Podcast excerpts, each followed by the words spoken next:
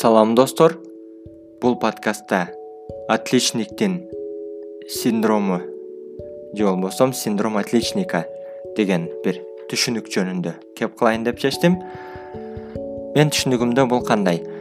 Синдром отличника деген биз көпчүлүгүбүз өзүбүздүн мектебибизде отличник болушубуз мүмкүн. Анан эмне болот? Бир күн башка бир мектепке барабыз же башка бир гимназияга бир лицейге башка бир жерге барабыз. Анан ал жакта бүт жакшы окугандар бириккендиктен кайра бир дүйнөң өзгөрөт.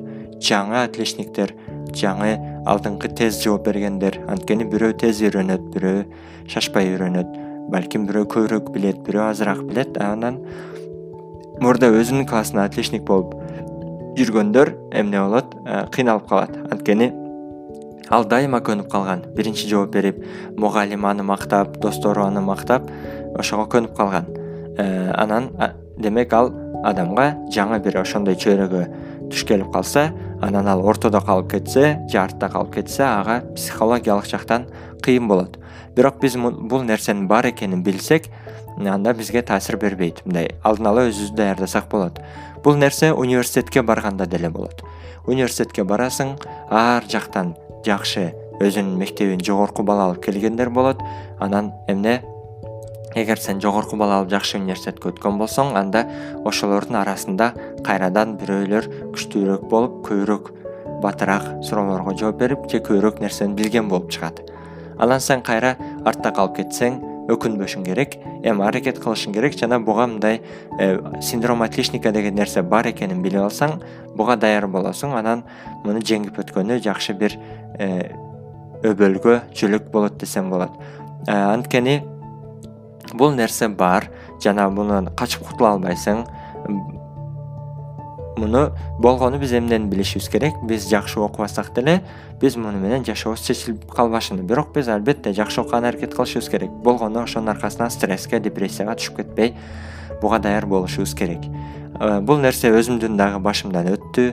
Кореяда юнис университетинде азыр акыркы семестрде окуп атам биринчи семестрлер барганда кээ бир татаал сабактарда өзгөчө математикалык татаал сабактарда корейлер мектепте математиканы өтө терең деңгээлде өткөндүктөн мен өзүм э, биз анчалык өткөн эмеспиз. Болбосо мен математикам начар деп айтпайм. Анткени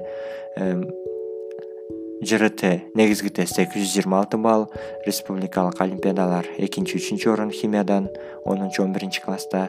Кыскасы э, мындай мектептен жаман бүтпөдүм. Бирок эми мектепти мен ийгиликтүү бүттүм деп эсептебейм. Анткени дүйнөлүк олимпиадалардан медаль алышым керек болчу химиядан деп ойлогом ала албадым. Кыскасы бул башка тема. Ошентип мен дагы кореяга барып э, математика сабактарында бир аз өзүмдү жоготтум.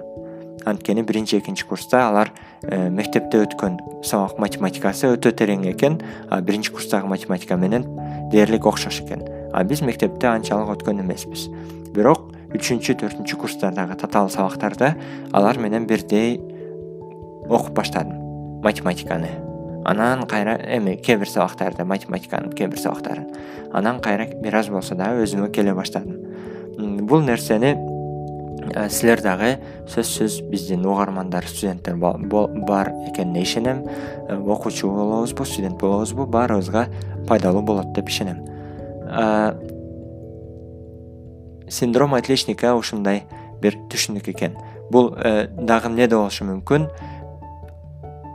Баары мактаган. Мисалы ата энеңде дагы эле мисалы ата энең сени дайыма мактап урушпай бүт нерседе жакшы неме кылып жүрсө сени дайыма бирөөлөр мактап жүрсө сен ошого көнүп каласың анан кийин бул окуудан сырткары элечи анан сен дагы бирөө бир жака барсаң укпаса сөзүңдү ар бир сөзүңө мактап күлүп турбаса анан эмне болосуң э, бир дүйнөң өзгөрүп дагы бир башкача сезимдер келиши мүмкүн. Э, бул дагы синдром отличникага окшоштурсак болот деп ойлойм. Э, бул нерсеге дагы даяр болушубуз керек. Жашоодо бүгүнкү бөлүшөйүн деген менин негизги түшүнүгүм. Ушул болду.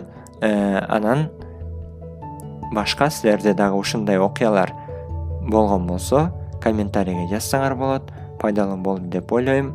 Кийинки подкасттардан көрүшкөнчө аман эсен сак саламат бололу. Баарыңарга чоң рахмат